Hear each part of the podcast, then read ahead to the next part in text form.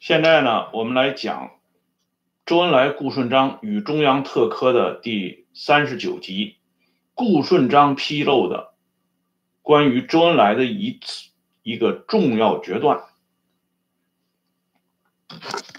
在上次节目里边呢，我们主要讲的是蒋介石为什么对向忠发和顾顺章那么如此的怠慢。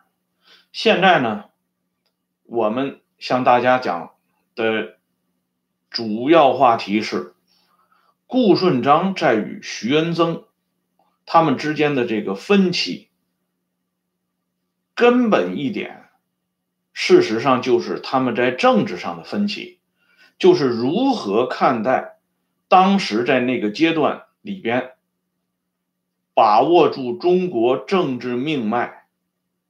或者说，中国政治进程的主要节奏，在这个重大问题上呢，顾顺章不但与徐恩曾他尿不到一个壶里，实际上顾顺章对蒋介石的这一套做法呢，也非常的不感兴趣，不以为然。这实际上呢，也是导致后来顾顺章为什么再度转向。徐恩曾不是讲过吗？徐恩曾晚年的回忆是说过，他说顾顺章可以说是在他策反抓捕过来的诸多中共叛徒当中非常具有特色的一个。这所谓的特色呢，就是说他投靠国民党之后呢，他居然后来又跑回到共产党的阵营。这件事情呢，给徐恩曾留下了极深的印象。那么究其内里呢，就与今天我们要说的顾顺章披露的周恩来的一个重要决断有直接关系。我们先来说一下徐恩曾和顾顺章两个人之间在政治上的重要分歧。首先一点就是说，如何在现行条件和现行背景之下开展这个特务工作，这是顾顺章和徐恩曾。遭遇的第一次分歧，徐恩曾呢，当然还是按照他原来的那套打法，但是顾顺章认为你这个打法已经落伍了，至少你比起中共来讲，你是跟不上节拍的。为什么这么说呢？当时顾顺章就当着徐恩曾这些高级特工人员的面，给大家举了几个例子。这个例子举出来以后，这帮人都傻眼了，因为闻所未闻。顾顺章就讲，他说：“你看啊，我们先就说一下钱壮飞的事情。这顾顺章一说钱壮飞，徐恩曾脸都白了。为什么呢？因为钱壮飞这个事情大家都知道啊，那完全是因为徐恩曾的养虎遗患造成的。可是呢，哪壶不开，顾顺章就提哪壶。所以呢，这个顾顺章后来为什么让徐恩曾他们给搞死了，这也是一个重要原因。”但是这顾顺章呢是直言不讳，他说：“咱们就先说钱壮飞，钱壮飞为什么能够深入到特工的核心层呢？这实际上是跟我们当时主持中央特委会工作的一个重要战战略有着直接的关系的。为什么呢？因为我们认为我们现在是一穷二白，空手起家，说白了就是玩空手道的。”但是怎么能够壮大我们的力量，夯实我们的基础呢？就是要到敌人的那里去取经。所以呢，他就讲，当时周恩来给他们交代的一个重要任务，就是敌人有什么，我们就要去学什么。所以你们搞了这个特工工作以后呢，我们在现有的基础上，实际上共产党搞这个特工要比国民党早。但是因为国民党人家，他是占据统治地位，他是属于公开合法的政府，所以人家起步虽然晚，可是迎头赶上。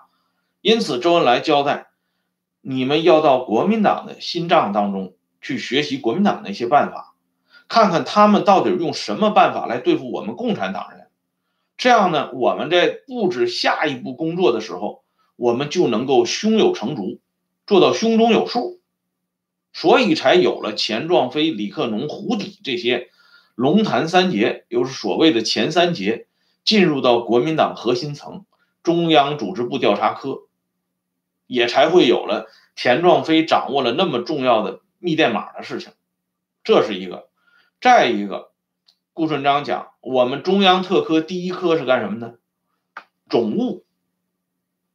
总务这个词儿呢，实际上是跟日本人学的，它实际上就是类似于我们今天的这个办公室，无所不包，什么都管。他说我们这个总务科能做到什么程度呢？因为我们搞的这个总务科的目的是为了打掩护，为了搞情报、搞行动，作为一个掩掩护，所以呢，我们经常。要去搞那么一到两家的公开的店铺，作为障眼法。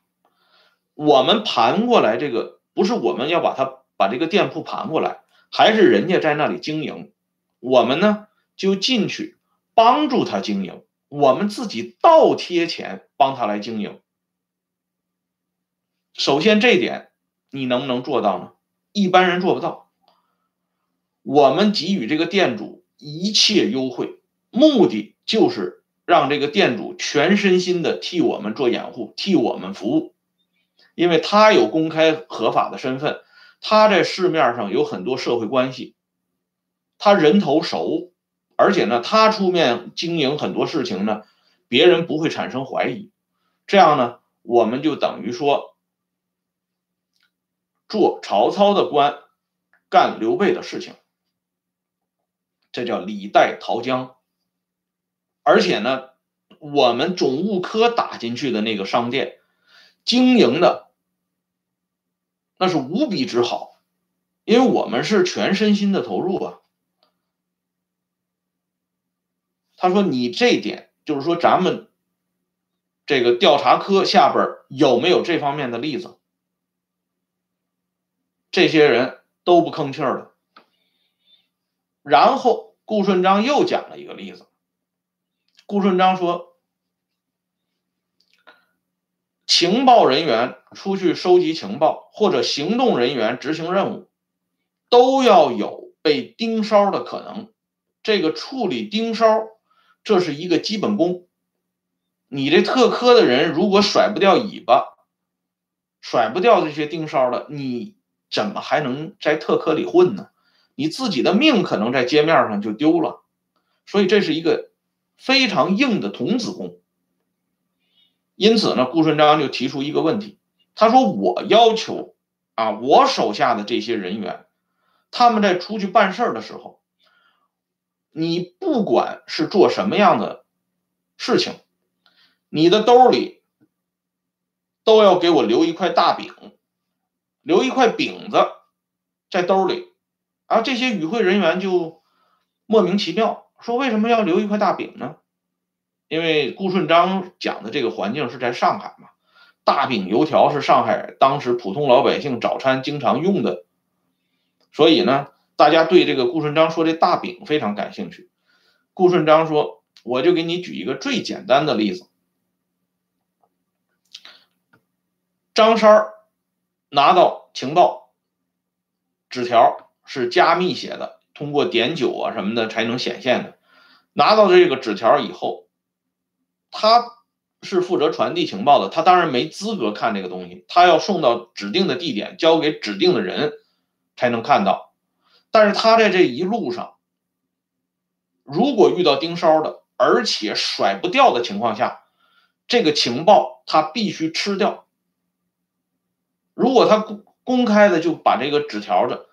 放到嘴里吃的话，那他整个的身份就暴露了，啊，曾经有过这种事儿，就是说吞掉纸条以后，人被抓了以后，马上进行手术，从肠胃里捞出这个纸条，这种事儿都有过。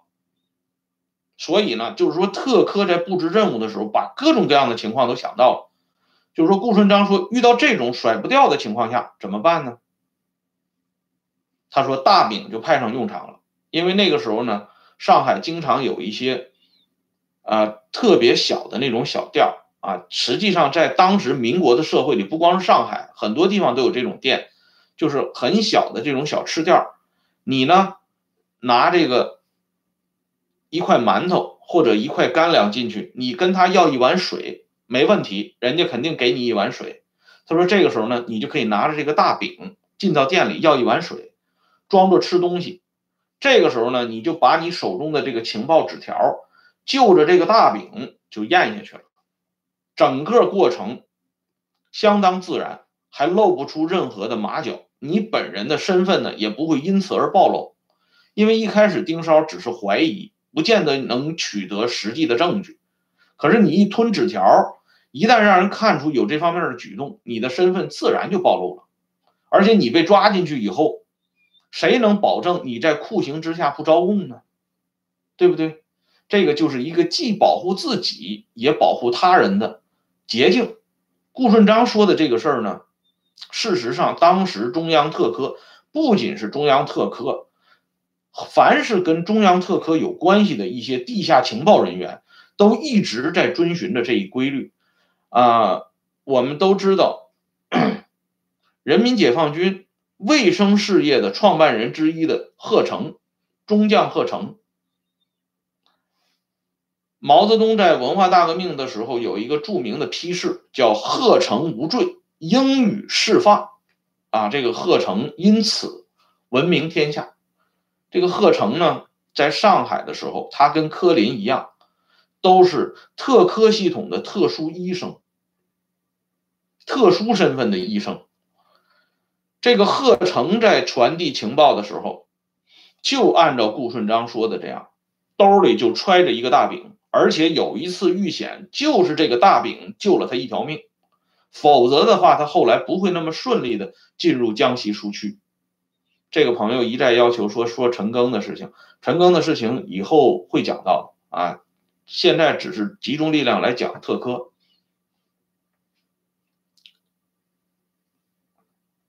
所以顾顺章讲到大饼这个事儿以后，这与会人员就都感到惊愣了。顾顺章与徐恩曾。最大的分歧就是两点，一点是在使用叛徒问题上，一点就是顾顺章披露的周恩来的一个重要的决断。事实上呢，顾顺章一直认为周恩来的这个决断是相当英明和相当具有远见的，用今天的话说，非常符合中国的国情。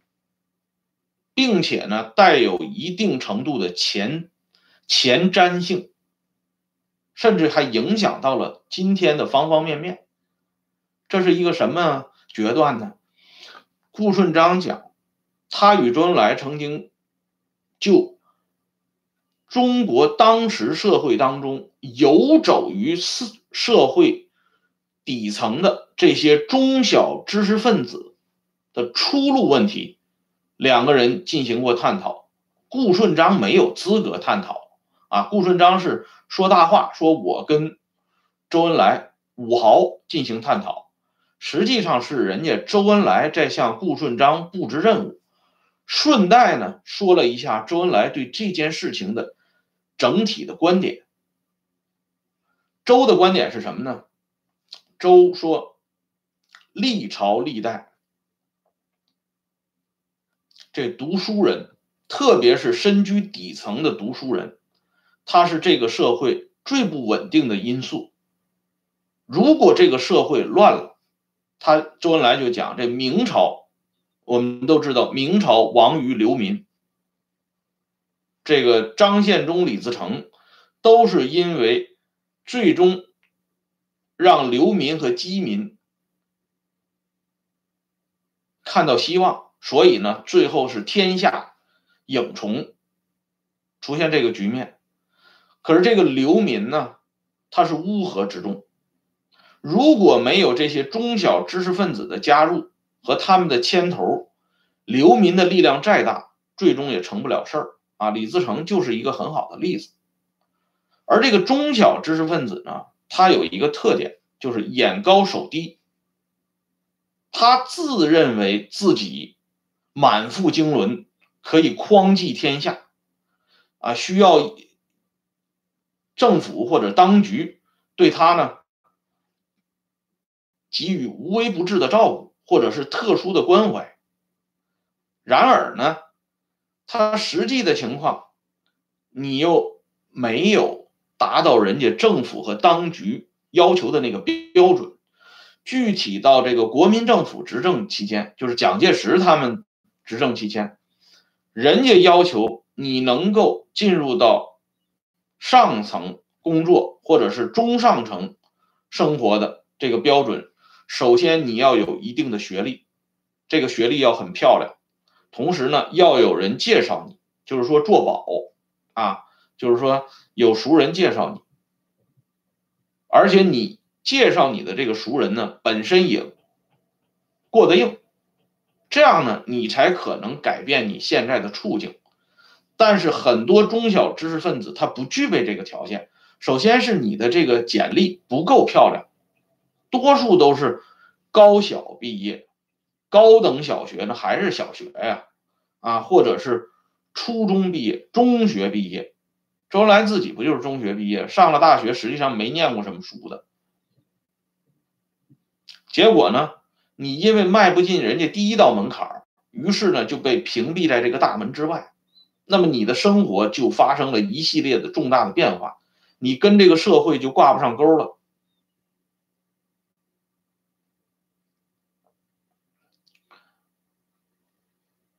共产国际在中央特科里扮演的角色和作用呢？我在稍后周恩来麾下的女将们这两期节目里边，我会。具体的谈到，请大家放心。所以呢，周恩来就讲如何把这个中小知识分子运用好，恰恰是我们今后工作当中的重中之重。那顾顺章就问了，说那我们对中小知识分子，我们党对中小知识分子是一个什么样的？准备做出一个什么样的姿态，或者对他们要采取一个什么样的处理方式呢？周恩来说了两说了两句话，他说呢，第一是赎买，第二是镇压。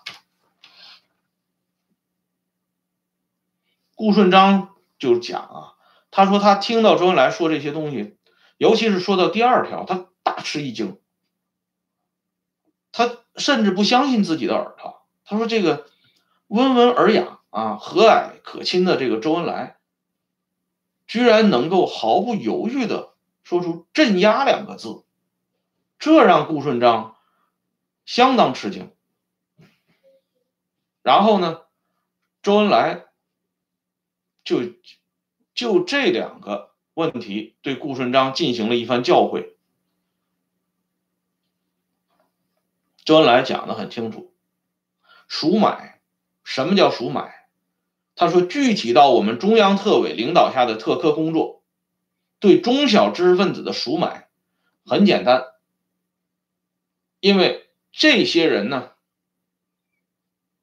他们对原现有的社会强烈的不满，没有达到他们的要求，他强烈的不满，他有改变这个社会的强烈的愿望。这一点很好，这是我们共产党人的同路人，要抓住这一点，对他们进行扶植和帮助，让他们站到我们的队伍当中来，为我们所用。你交给他一项任务，给他一点经费，他就很有荣誉感。这个时候，周恩来就说了这么一句话，他说：“一滴水要想不干涸，只有放进大海里。”一个人要想有力量，只有进入集体中。一个人不管他以前是多么的落魄，一旦加入到一个强有力的集体，他自己就会感到他自身有无穷的力量。因此呢，我们要给他一点荣誉感。什么荣誉感呢？就是拉他进来当特务，他为这个组织效劳，他为这个组织去搞情报。去行动，去杀人，去越货，但是呢，他心理非常强大，而且呢，他生活上也解决了，因为他有一定的费用了。生计问题也解决了，这叫赎买。第二是镇压，凡是敌视我们组织的和对我们组织可能构成破坏企图的，尤其是中小知识分子群体，要毫不留情的予以镇压，因为这些人的破坏性很大。他不能融入到工农无产阶级队伍，就必然会成为工农无产阶级队伍的祸害。所以呢，周恩来还说那么一句话：“这古人讲过，芝兰当道，啊，芝兰挡道当除。”就说你再漂亮的花草，你要挡了道，也必须除掉，毫不犹豫。他说：“我们搞特科工作的，我们搞特务工作的同志，不能心慈手软。自古人讲‘慈不掌兵’，所以这是我们搞特工工作的同志必须要知道、必须要掌握、必须要具备的素质。”周恩来的这段语重心长的谈话，是在特科创立之初。就交代下来的家法，我们都知道，这毛泽东对知识分子向来是不待见，他对知识分子后来采取的一系列政策，我们也都是耳闻目睹，对吧？可是呢，大家不知道的是，对于这些中小知识分子所采取的这些措施、这些想法，甚至可以说是一个最高的指示方针。至少在周恩来主持中央特委和中央特科工作的时候，党和中央就已经形成这个概念。像我们刚才顾顺章介绍的，那个用商店别人的商店做掩护，事实上我们看到今天很多这个中资企业还是扮演着这样的角色。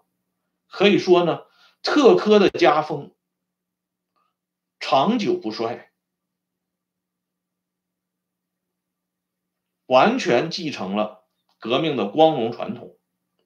因此呢，这顾顺章认为，国民党的特工工作要想超越共产党，甚至说要打垮共产党的特工工作，就必须把共产党的这套东西掌握过来，甚至做的比共产党还要好，因为。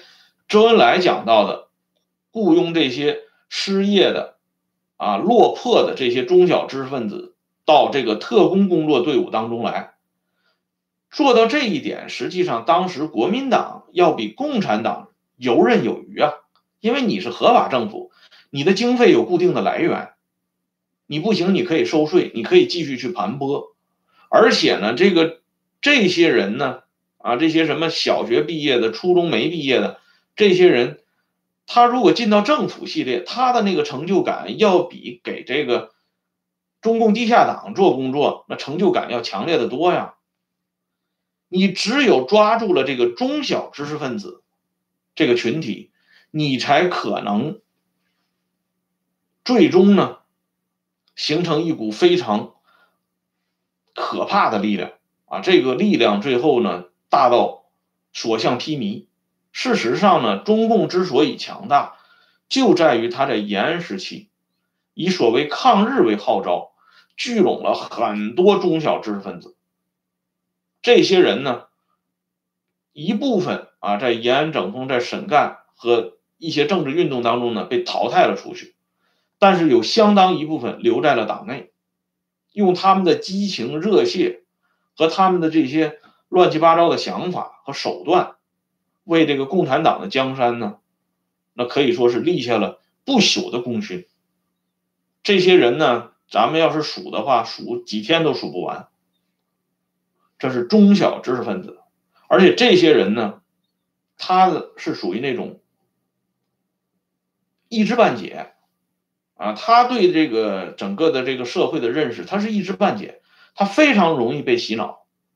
他洗了脑之后呢，他去洗别人。那就更可怕了。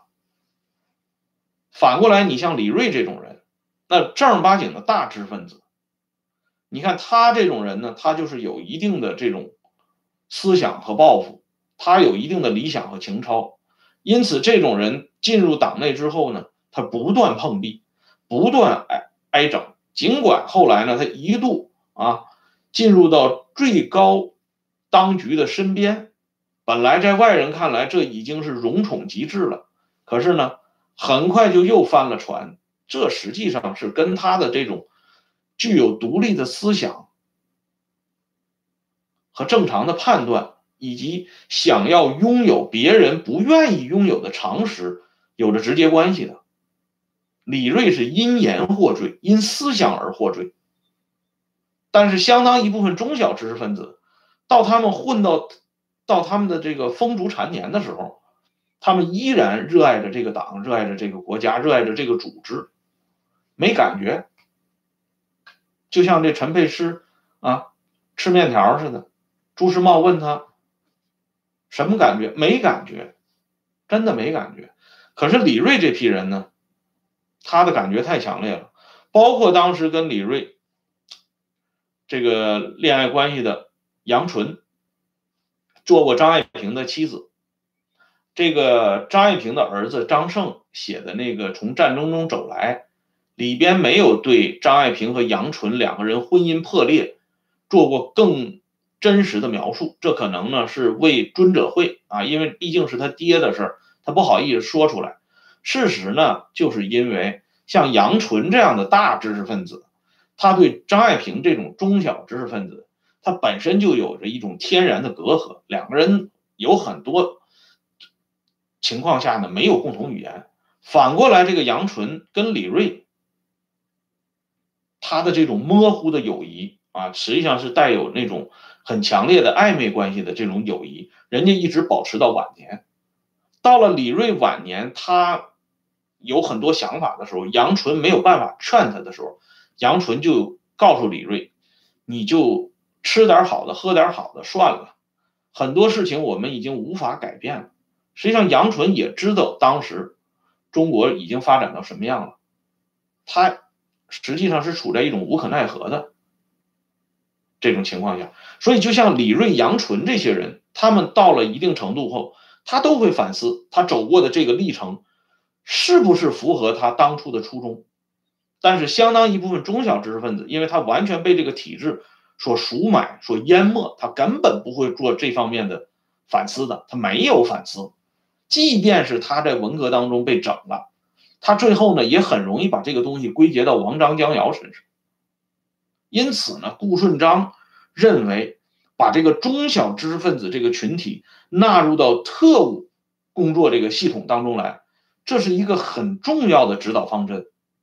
可是这个东西呢，居然得不到徐恩曾任何的回应，反而被徐恩曾所讥讽，啊，认为你这是把共产党那个。那套哈用剩下的东西拿过来向我们兜售，你现在实际上不过是披着一颗合法外衣的阶下囚，你有什么资格改变我们的呃传统这个特工方针呢？啊，你有什么资格对委员长、对这个最高当局所做出的决定品头论足呢？你没资格嘛，所以呢，在徐恩曾的心目中，反而留下了顾顺章这个人桀骜不驯啊，相当狂妄的印象，这就搞成了满拧的这个状态了。顾顺章这是提出的第一个看法，遭到了徐恩曾的否定。接下来，顾顺章还有一个更直接的办法，这个办法实际上。能够在短期内就见到效果。这个徐恩曾呢，对这个办法呢是局部的采用，但是也是没有重视。反过来，你再看周恩来对顾顺章提出的这这种办法呢，人家周恩来一直在啊一直在完美的执行。这就是为什么最后国民党在特工工作上始终稍逊一筹的原因。即便是有戴笠这样的人物横空出世，可是呢，也挽回不了大局。何况呢，戴笠死得很早。顾顺章提的第二条，或者说是什么样的具体办法，让徐恩曾和顾顺章再一次产生了巨大的分歧呢？我们将在下一次的直播里给大家继续讲述。今天的这一期直播呢，先做到这里。今天是两次直播，稍后呢，我回来继续讲一次直播，讲的是周恩来在胡风事件中的一次本色表演。